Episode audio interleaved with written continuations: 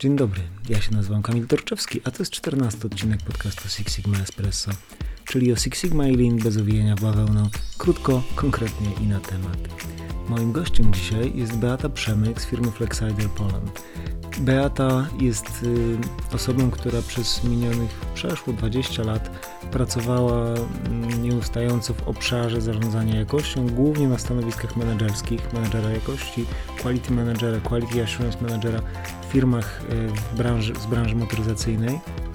I jak część z Was pewnie wie, no branża ta w tym aspekcie jakościowym jest bardzo wymagająca, i Beata dzisiaj opowie Wam o tym, to jak to jest być przez 20 lat menedżerem jakości tak bardzo wymagającym środowisku. Mam nadzieję, że to będzie dla Was interesująca rozmowa. Beata jest również absolwentem naszego kursu Black Belt sprzed 10 lat i również doświadczeniami swoimi z obszaru Six Sigmowego, tego jak on się wpisuje w, w pracę osoby z, odpowiedzialnej za jakość firmy motoryzacyjnej. O tym też będziemy rozmawiali. Zapraszam Was zatem do wysłuchania e, tej rozmowy. Dla mnie było to bardzo ciekawe spotkanie. Mam nadzieję, że dla Was będzie również. Kamil Torczewski i Beata Przemyk. Zapraszam.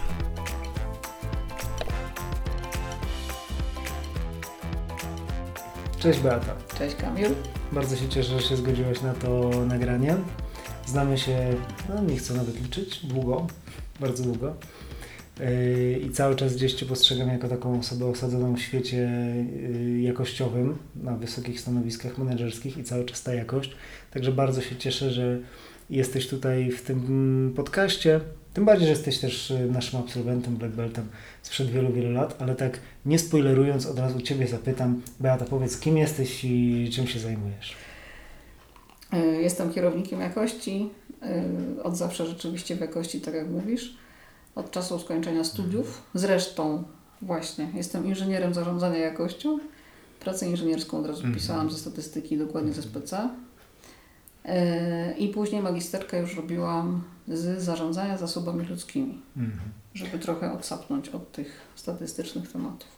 Czyli ja tak y, sprawdziłem na LinkedIn, nie wiem czy to się zgadza, ale że ty od 98 jesteś y, quality managerem. No to jest za dużo powiedziane, bo zaczynam w małej firmie rodzinnej, którą mhm. założył mój tata i w zasadzie wiesz, po studiach w sposób naturalny zaczęłam pracować z bratem, mhm. z siostrą i ze szwagrem. Mhm. Taki był skład y, na początku i zajmowałam się wszystkim, co w mojej firmie w biurze się robi. Od spraw najzwyklejszych kadrowych przez jakieś tam później płace, y, nawet finanse, książka przychodów, rozchodów ale przyszedł moment, że trzeba było się zmierzyć z wdrożeniem systemu jakości ISO 9002 mm. wtedy jeszcze. I wtedy, no kto? No ja po fachu, no to kto mm. się miał tym zająć? No to braliśmy na warsztat ISO 9002 y, z taką firmą konsultingową z Bielska, firma Aste się mhm. nazywała. I y, dzięki temu tak od praktyki y, uwierzyłam, no, uwierzyłam, zrozumiałam normę ISO w praktyce. O. Mhm. Który to był rok Beata? E, to było 98, 9, Aha. Jakoś tak. Mhm. A dzisiaj gdzie jesteś w tym świecie jakościowym? A dzisiaj jestem we Flexiderze, w Bieruniu, kierownikiem jakości dla zakładu produkcyjnego około 118 osób, e, produkującego części do układów wydechowych plus y, odpowiedzialną za system jakości jeszcze dla dwóch spółek zagranicznych. Mhm. To jest Flexider Włochy i Flexider Niemcy. Mhm. I mówimy o branży automotive. I mówimy o, tak, o branży automotive cały mhm. czas. Tak jest. Czyli y, ja gdzieś tam sobie zanotowałem, że od 98 się zaczęłaś zajmować zarządzaniem jakością, najpierw normy ISO, ale ty mówisz, że jeszcze wcześniej, bo jeszcze na studiach inżynierskich już y, SPC. Mm, no to szmat czasu to jest. No dużo. I cały czas jesteś w tym obszarze. To się nie nudzi być quality managerem czy kierownikiem jakości w różnych firmach, ale cały czas, cały czas ta jakość, cały czas ci klienci, cały czas te reklamacje, ciągle defekty, ciągle to tak samo. Tak I jak, to, jak żyć? Jak żyć, dokładnie. To jest dobre pytanie. Jak żyć? Z dnia na dzień. Mhm. Bo inaczej to człowiek by się załamał czasami. Ale powiem tak, na nudę nie narzekam, bo bo y, nawet z racji tego, że przez te różne firmy przeszłam, tak naprawdę trzy, nie więcej. Mhm. Całe te 10 lat bo to już 10 lat albo 10 lat z Mhm. hakiem. No to najpierw mała firma, 15 osób, więc jakby wszystko namacalnie widzisz, czujesz, jak wdrożysz, tak masz. I Mhm. jakby na swoją odpowiedzialność jednoosobową to się Tak, dzieje, nie? tak. Rozlicza od razu klient, y, audytor, mm, w cztery oczy tak naprawdę. Mm, Później y, od 2005, jak trafiłam do Flexidera po raz pierwszy, Mhm. y, to dla mnie było może nowych możliwości, może rozwoju jakościowego, Mhm. bo z małego zakładu, gdzie było tylko ISO 9002, y, okazuje się, że trzeba było wdrażać y, ISO TS Mhm. 16949 i no dla mnie to było nowe. Od razu na dzień dobry tu byłam sam oddzielnym jakby takim małym stateczkiem, a tutaj dostałam już y, Załogę czwórkę, czwórkę ludzi w jakości samej do nadzoru, plus proces, plus dostawców, proces i klientów. Mhm. Nie? Także to takie było dla mnie bardzo duże wyzwanie. No i ta, tak sobie y, przypominam wtedy, że y, każdy dzień, tydzień to było dla mnie takie, każdy audyt, każda wizyta klienta, każdy tak naprawdę audyt Mhm. zewnętrzny to było dla mnie takie spisywanie słowo w słowo tego, co każdy audytor klient mówi Mhm. I spisywanie nawet rzeczy, których nie rozumiałam. Pierwszy raz słyszałam wtedy o manualach APQP, PIP, APSPC, MSA, To FMA. takie natchnione te notatki były E, twoje. Bardzo, Jak- automotywowo bardzo. E, I teraz powiem Ci więcej. E, Wtedy każde wakacje to moja ulubiona lektura, ulubiona. Obowiązkowa lektura na wakacje to był jeden z manuali, oczywiście w oryginale po angielsku, od A do Z, przeczytany Mhm. i zrozumiany. Odpoczywałaś wtedy przy tym, czy... E, wiesz co, to mi dawało takie poczucie, nie wiem, e, zrozumienia tematu, o, bo nie miałabym odwagi brać się za wdrażanie czegokolwiek, jak nie poznam tego. Ja jestem takim skrupulatnym charakterem, wiesz, i ja to muszę sama poznać, dotknąć, zrozumieć, żeby to później komuś tłumaczyć, że on ma to wykonywać w jakiś tam sposób. No i tak to było. Tak, sobie, tak, tak samo było z tym SPC na pracy inżynierskiej. Wtedy na małym zakładzie, bo na, na tej właśnie prywatnej firmie, ale to z żywego procesu dane. Jeszcze drukarka, słuchaj, termo, z tym takim papierem termicznym, gdzie się rozkłady drukowały. Po prostu magia. No i tak to się zaczęło. No ja pamiętam Beata, że y, też lata 90. to ja studiowałem też zarządzanie systemami produkcji, wtedy rzeczywiście też na kierunku zarządzania jakością. Y, I tak w tamtym czasie to normy jakościowe, standaryzacja, to były takie rzeczy, które mnie się wtedy też wydawało, że to jest wow, że to jest jakieś kurczę, takie super. Y, Zaczynał się już tam TQM też y, w Mhm. Polsce pojawiać, no i gdzieś oczywiście pierwsze, pierwsze jakieś tam przybłyski Six Sigma. Mm, Bardzo się zmieniło w moim odbiorze to ten, ten świat przez te 20 lat. Jaka jest Twoja perspektywa? Tak z y, tego, takiej, z, powiedzmy z pierwszej linii frontu, z praktyki automotive, pracy z klientami, reklamacjami właśnie, defektami. Także moje pierwsze wrażenie, jak poznałam pierwszy raz na pierwszym roku studiów albo drugim, miałam za y, przedmiot dokładnie zarządzanie jakością. I jak y, pani profesor zaczęła opowiadać pierwszy raz o normach ISO, to obiecałam sobie wtedy, Mhm. że będę wszystko robić w życiu, ale nie to. Bo to jest po prostu jakieś miszmasz wypisane. Wymaganie goni wymaganie, ogólnik za, ogólni, za ogólnikiem, nic konkretnego z tych norm nie wynika. Jakaś po prostu jedna wielka masakra. Mówię wszystko, tylko nie to. I tak No to to mam. jak to się stało? Tak to się dzieje w moim życiu. Że jak ja sobie powiem na pewno nie to, to się tak wszystko układa samo, że ja robię dokładnie to. Mhm. I to mi nie wychodzi na złe. Yy, paradoksalnie. To tak jest. Bo to potem się wydarza. E, Ale e, tak jak Ci mówiłam, dopiero jak zaczęłam wdrażać rzeczywiście te normy w, na małym organizmie na szczęście, yy, przy pomocy tam konsultantów, to dopiero człowiek zaczynał rozumieć te punkty i tą konstrukcję normy i dlaczego to jest tak, a nie inaczej. Później yy, nie ukrywam, i to też trochę właśnie już będzie odpowiedź na to pytanie, jak się to wszystko zmieniało przez lata. Yy, Im dalej, nie? im później, to im wię- większa firma, Mhm. im poważ, y, poważniejsi klienci, bo jak się miało styczność z jakimś OEM-em, tutaj myślę o Volkswagenie głównie, to każdy audyt, każda wizyta, każdy kolejny rok to jakby kolejne wymagania, które dostajesz. I to nie ma Powiem tak, dzięki temu człowiek się nie ma czasu znudzić, mhm. bo jak ledwo sobie poradzi na przykład z wdrożeniem SPC, to na w przyszłym roku dostaje jakąś niezgodność z FMA. Jak mhm. wyprowadzisz FMA, to się okazuje, to że jeszcze MSA trzeba zrobić doskonalsze, mhm. bo coś tam było, ale nie było wystarczające. Mhm. Jak już się z tymi narzędziami podstawowymi uporasz, nawet działają i nawet się udaje systematycznie nadzorować, to się okazuje, że zarządzanie projektami to jednak jest do poprawy. Więc mhm. APQP do powtórki. PIPAPy to weryfikują na szczęście najszybciej klienci, więc jakby to jest taka mhm. training on the job, że naprawdę. To jest tak jak mhm. e, porównanie mam takie, jak e, się składało jakiekolwiek e, dokumenty do urzędu, albo do ZUS-u, albo do skarbowego, to weryfikacja przy okienku była najlepsza. Najlepsza nauka na świecie. Jak się po trzy razy coś przepisywało, to już potem się robiło doskonałym. No i to tak, myślę sobie tak, że rzeczywiście w tym świecie automotive no prawda jest taka, że nas, nas rozwijają klienci. Mhm. Bo każdy nowy projekt, każde nowe zetknięcie z czymś nowym, jakaś, nie wiem, nowe zastosowanie wyrobu, mhm. nowe, mm, jakaś nowa charakterystyka E, to dodatkowe wymagania, dodatkowe zabezpieczenia, dodatkowe audyty, mhm. dodatkowe self-assessmenty procesów specjalnych. Mhm. Teraz na przykład kończyliśmy CQI 15 mhm. po raz pierwszy do jakiegoś klienta.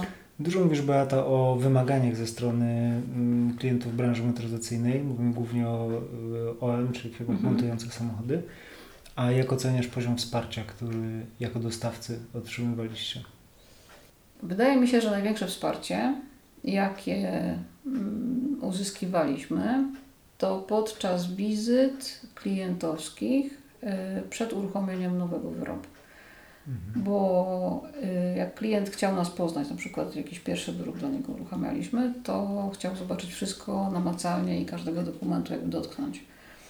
I te wizyty robocze takie, że to nie audyt taki na żywym procesie jeszcze, ale w fazie uruchomienia, gdzie jeszcze mhm. był czas na korygowanie błędów, na wzięcie czegoś pod uwagę, na dopisanie czegoś do FMA, y, są najlepszym etapem rozwoju i wsparcia, mhm. bo klient mówi dokładnie czego on chce, albo da się z niego te informacje wtedy wyciągnąć, bezstresowo jeszcze, mhm. bo to nie jest reklamacja E, I można to od początku jakby wbudować w proces, nie? Okay. I wtedy jest dużo łatwiej potem kontynuować współpracę.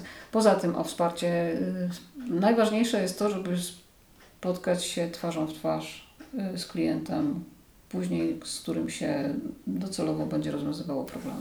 To jest ciekawe, jak mówisz o tym, to wiesz, przypomina mi się, że teraz prowadząc konsultacje projektów prowadzonych przez liderów, czy to black beltów, czy green beltów, to dostrzegam, że bardzo często jest tak, że taki etap, który u nas w tym remake'u jest mocno osadzony, czyli analiza głosu klienta. No on jest tak po macoszemu często traktowany i, i nierzadko się zdarza, że tam po prostu ktoś wyciągnie z, wyciągnie z dokumentacji czy tam ze specyfikacji. No klient oczekuje, że ma być tam szybko, tanio, dobrze i bezpiecznie. Nie? Cicho i czysto. Tak, i tak, i cicho i czysto. I rzeczywiście to, co mówisz, wartość tego e, spotkania, tego, że gdzieś, nie wiem, można się poznać nawzajem, wymienić informacje, trochę gdzieś e, jakby skorzystać z możliwości też nauki od klienta, mhm. zawiązanie jakiejś współpracy w rozwiązaniu problemu, no to to jest bezcenne. Nie? Tak jest. A jeszcze lepiej, jak się da zobaczyć ten prototyp Twojego wyrobu mm, w procesie klienta. To jest w ogóle najlepsza nauka. Mhm. Zdarzyło mi się tak kiedyś w DAF-ie. Mhm. E, zabrali nas na uświadomienie dostawcom, jak te wyroby, które oni uruchamiają do nowego silnika czy samochodu mhm. ciężarowego, jak to wszystko jest ważne. I zrobili nam y, szkolenie z rozwiązywania problemów, y, to było QRQC, ale ta z takimi elementami Six Sigma wprost, jednoarkuszowe, praca w grupach różnych dostawców pod, pod y, przywództwem osób od klienta, mhm. rewelacja plus zwiedzanie zakładu i zobaczenie, wiesz, moja część, o moja część, a tu jest moja uszczelka, o a tu jest moja dźwigienka albo mój zawór.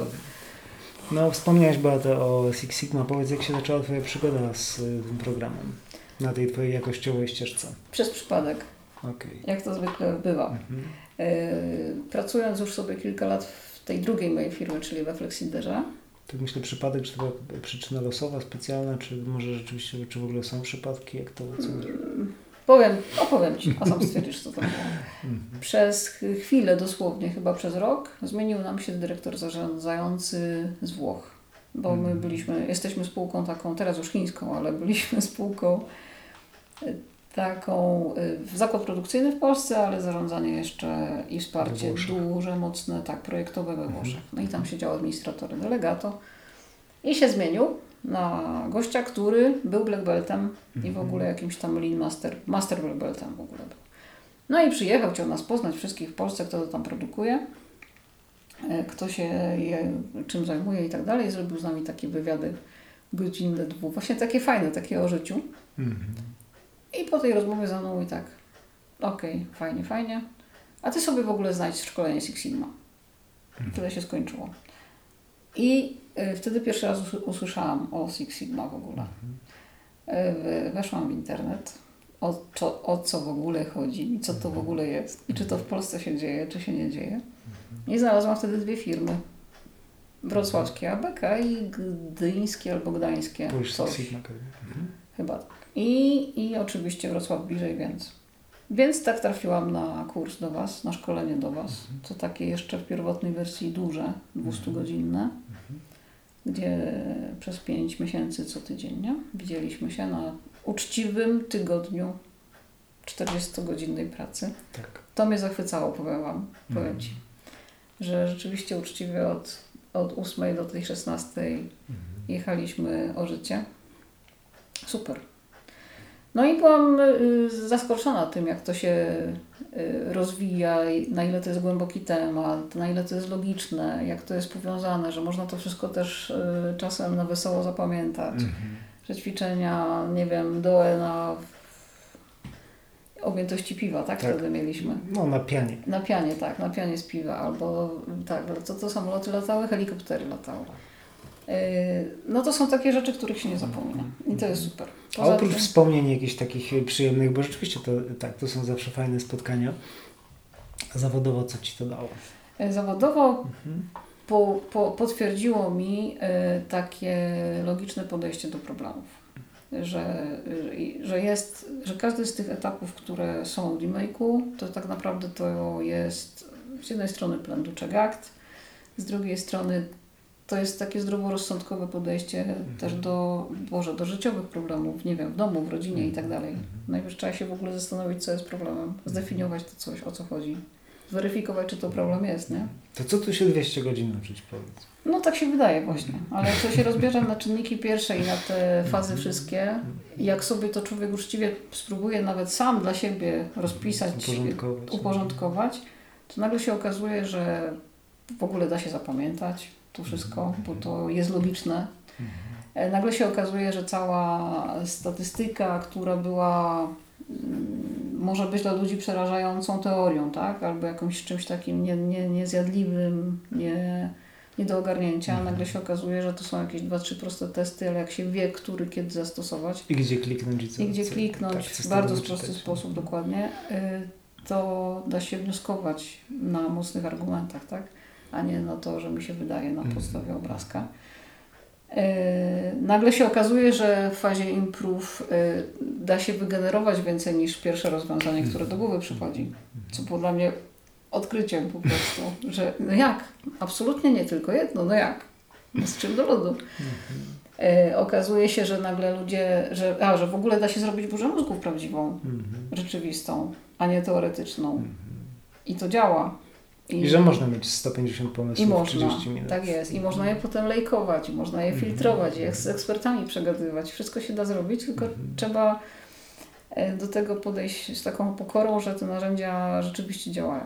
Ja mhm. właśnie sobie gdzieś tam ostatnio myślałam tak, bo teraz w firmie szkolimy dwóch greenbeltów i jak wybieraliśmy osoby na, te, e, na to szkolenie, to mówię, kurczę, to muszą być ludzie ambitni i pokorni. Mhm jednocześnie. Bo trzeba mieć cierpliwość i trzeba mieć zacięcie w sobie i trzeba mieć właśnie tą ambicję, żeby się nie poddać i nie przerazić ilością szczegółów, nie? albo ilością w ogóle kroków do mhm. wykonania. A z drugiej strony trzeba mieć taką w sobie zdrową pokorę, żeby się nie wymądrzeć nad demake'a. Powiem tak. Nie wymądrzeć się nad demake. Tak jest. Pięknie bo, mhm. Bo jak się to zrobi raz, drugi, trzeci, to się człowiek gubi. To jest ciekawe, co mówisz, bo jest tak, że jest taki mit, że Six Sigma to gdzieś tam właśnie głównie ta jakość i często osoby z jakości trafiają właśnie na kurs Green Belt, Black Belt. Ty też jesteś tego e, dowodem. I e, już abstrahując od tego, że to jest taki właśnie mit, że Six Sigma to, to głównie obszar jakości, ale ta taka niedogodność z mojej perspektywy, która z tym się wiąże, to jest to, że to są często osoby, które właśnie już dobrze znają te podstawowe narzędzia jakościowe, znają różne takie metodyki jak PDCA, właśnie A3, 8D. No i często jest tak, że trochę się wymądrzają od tego demake'a, tak jak powiedziałaś. Yy, I paradoksalnie, no nieraz nam się zdarzało uzyskiwać dużo lepsze, czy obserwować dużo lepsze wyniki pracy u liderów tych, którzy przychodzili po prostu jak biała kartka i nigdy nie widzieli czegoś takiego jak Ishikawa w zestawieniu z tymi, którzy naprawdę już mieli doświadczenie projektowe, jakościowe. I teraz pytanie tak z Twojej perspektywy, czy to dobrze, że ludzie z jakości trafiają na kurs Black Belt, Green Belt, czy może raczej lepiej szukać poza tym obszarem, a może to w ogóle nie ma znaczenia, tylko trzeba mieć pokorę, jak to widzisz? Myślę, że trzeba mieć, y, tak jak powiedziałam, tą ambicję, tą pokorę i zaciekawienie. Bo jak mhm. się ma te trzy rzeczy, to do każdego narzędzia y, pewnie, że jest, wiesz, to co powiedziałeś, jak ktoś przychodzi rzeczywiście jak biała kartka, no to musi mieć tą ciekawość, bo każde narzędzie jest dla niego nowe wtedy, nie? I mhm. jakby próbując go zastosować się uczy. Y, ale myślę sobie, że y, Six Sigma jest dla przeróżnych obszarów w firmie i byłoby fajniej, gdyby właśnie bo to jest takie trochę, pokutuje takie trochę, jak to powiedzieć, spychanie tematów na jakość. Bo jak już nie wiadomo, kto ma się tym zająć, to, to, to kierownik jakości to zrobi. Tak. Przecież nie produkcja. Trzeba by się tym zająć. Ja mówię, panie dyrektorze, ale ja się na tym nie znam. Nikt się pani Beato nie zna na tym. Ale pani się najszybciej nauczy. Mhm. I to jest... to jest o tyle fajne, że człowiek się właśnie przez to też nie nudzi, bo mhm. dostaje różne ciekawostki Czyli... do wdrożenia. Tak podsumowując to trochę, y, puenta do mojego pytania do Ciebie, jak tu się nie znudzić y, zarządzaniem jakością przez lat 20, tak? Tak, tak, tak. Mhm. Czyli za, y, kierownik jakości zawsze może liczyć na jakieś nowe, ciekawe zadanie, Wyzwanie. wykraczające całkowicie poza tak jego czy jej tak obszar jest. kompetencji. Tak, i wtedy się na pewno nie nudzi. Mhm. Między jedną a drugą reklamacją zdąży mhm. wdrożyć jakiś system, jakiś audycik po drodze. Mhm. E, ale dobra, żarty na bok. E, no to zupełnie poważna sprawa. Myślę, że tak to może wyglądać w wielu, w wielu fabrykach i nie tylko Myślę, że w średniej wielkości firmach po prostu tak to wygląda, bo nie ma na tyle wiesz, co dużej struktury, że by byli specjaliści od wszystkiego. Nie? Mam doświadczenie 3,5-letnie też z korporacji, gdzie rewelacja, tak jak e, mówię, Flexider dla mnie jest morzem możliwości do rozwoju, to i ton, w którym byłam 3,5 roku, był dla mnie oceanem. Mm -hmm. Niekończące się szkolenia w zasadzie z każdego obszaru, gdzie się chciało albo gdzie się powinno mhm. być. E, ale tam jest właśnie możliwość, że do przeróżnych tematów po prostu są specjaliści, nie? Taki TISAX trafiłby od razu do informatyków i do strony BHP-owskiej bardziej, może, mhm. gdzie E, na pewno lepiej, szybciej e, by mhm. sobie z tematem poradzili. Ale jednak wróciłaś na swoje Tak morze. jest. Wróciłam do Flexidera z powrotem. Tak się mhm. wydarzyło, że korporacja ma też swoje e, plusy ujemne. Orła i reszkę, mm, też ma swoją tak. reszkę. I wybrałam jednak spokojniejszy tryb pracy, mhm. powiem tak. Beata, jesteś, pytałem Cię, jak y, sobie poradzić z byciem w obszarze jakości przez tak długi czas, ale Ty jesteś też de facto w jednej branży cały czas. Y, w kilku firmach, ale to jest cały czas automotive mm. i to jest cały czas y, no, z obszaru dostawców pierwszego, drugiego rzędu. Jak się nie znudzić tą branżą, co to jest za branża w ogóle, jak ludzie dzisiaj zmieniają firmy i ktoś może rozważa, może jakaś firma motoryzacyjna, przed czymś y, byś ostrzegła może taką osobę albo może zmobilizowała do tego właśnie? Jest to na pewno branża wymagająca. Ale nie umiem porównać z, z innymi, na przykład ze spożywką też wiem, że mają swoje tam wymagania i swoje mhm. systemy. Natomiast tutaj przez to, że Y, klienci OEM ciągle coś wymyślają i ciągle Mhm. po prostu próbują między sobą się prześcigać. Na szczęście to zmierza w tym kierunku, że y, jak już się wdroży później system międzynarodowy, jakąś normę międzynarodową, to jest to uniwersalne dla wszystkich tych klientów. Czyli dzięki mm, chociaż tej y, jakby normalizacji, tak, czy standaryzacji, o, to jest to uniwersalne. Natomiast no, w branży automotive y, trzeba się liczyć z tym, że wymagania przychodzą cały czas i one są coraz wyższe i jakby nie można się tym zrażać.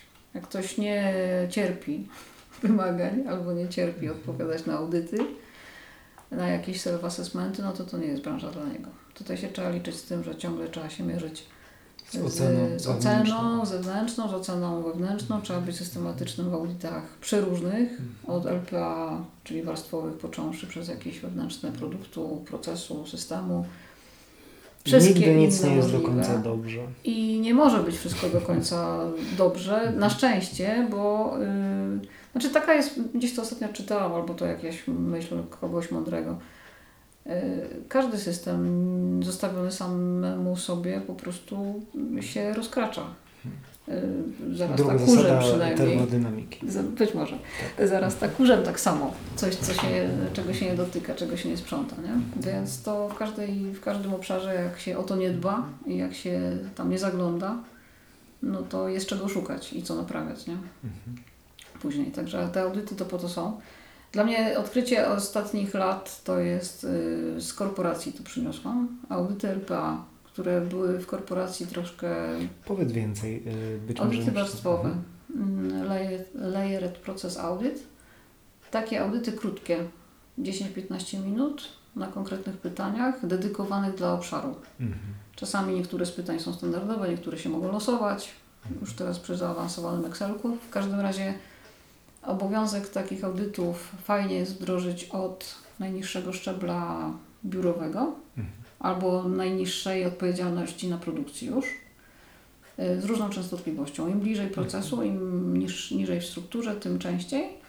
Im wyżej, nawet poczo- y, przez szczebelki wszystkiego dyrektora, nawet raz na miesiąc taki audyt 10-15 minutowy. Kartka, To są audyty wewnętrzne? audyty wewnętrzne. Kartka, papier, znaczy kartka, długopis, podkładka i wizyta na wybranym stanowisku pracy po to, żeby zadać te konkretne pytania człowiekowi akurat rzeczywistemu, który tam pracuje. Mega narzędzie do y, wzbudzania zaangażowania ludzi. Bo jak ludzie widzą, pracownicy przy maszynach, jak widzą, że się nimi ktoś interesuje w sposób systematyczny i to nie jest zawsze ich przełożony Mhm. tylko i wyłącznie, ale z technicznego biura ktoś wyjdzie w końcu i o coś zapyta, Mhm. Nawet przepyta.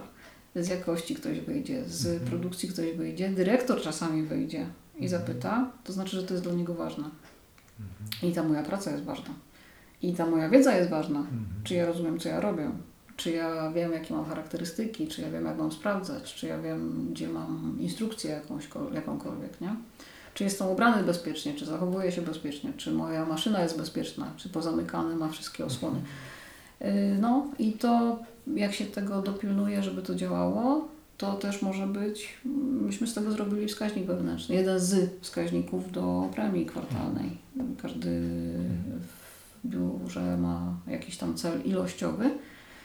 Kolega nawet jeden y, wymyślił, że audyt ma być zawsze z jakąś niezgodnością, inaczej mu nie, nie, nie podpisze swojemu inżynierowi, nie zaliczy takiego audytu. Więc jakby ludzie są zmuszeni do patrzenia krytycznym okiem. Mhm. Ja mówię, może już nie przesadzaj z tym obowiązkiem niezgodności, ale, ale rzeczywiście y, no, fajnie to zaczyna działać i, i widać, że można zauważyć coś. Sami sobie zwracamy uwagę, na przykład, nie wiem, coś technicznego mówię, a w tej instrukcji jakości to czegoś tam brakuje, nie? Y, I w ten sposób można coś udoskonalić, zanim z tego się zrobi jakieś halo większe. Jasne. Beata, wiem, że y, od stycznia obejmujesz stanowisko dyrektora zakładu. Tak?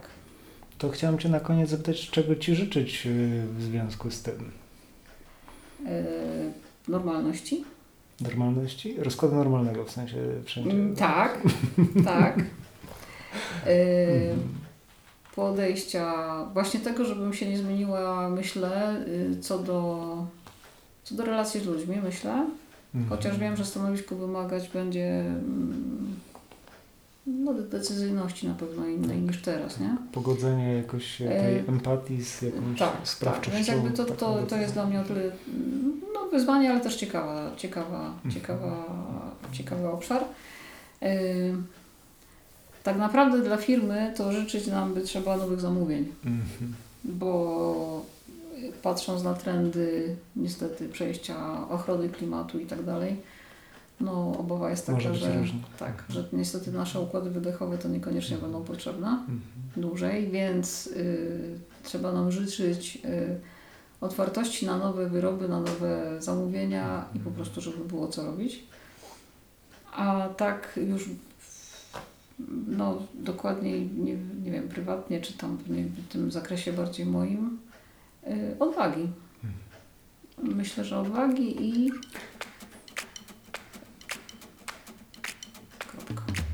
Odwagi i kropka. No to Beata, życzę Ci. Y, życzę Ci y, w tej nowej roli, która Cię czeka niedługo, odwagi do tego, żebyś rzeczywiście pozostała sobą y, i tą swoją drogą dążyła do tej skuteczności, a biznes Flexider i układ, ja wierzę, że tam sobie tam jakoś poradzą z tym. Mam nadzieję. Bardzo Ci dziękuję za tę rozmowę. Dzięki serdeczne. Dziękuję Beata. Dzięki